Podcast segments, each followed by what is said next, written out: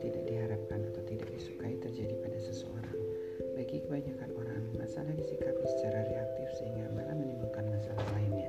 Reaktif terjadi karena ketidakpahaman seseorang terhadap hikmah dari masalah yang dihadapi. Padahal masalah itu perlu bagi seseorang agar memiliki ruangan untuk bermasalah dan meningkatkan kualitas dirinya terutama di mata penciptanya. Allah berfirman dalam surat Al-Anbiya ayat 2 yang artinya, Apakah manusia kami telah beriman dan mereka tidak diuji?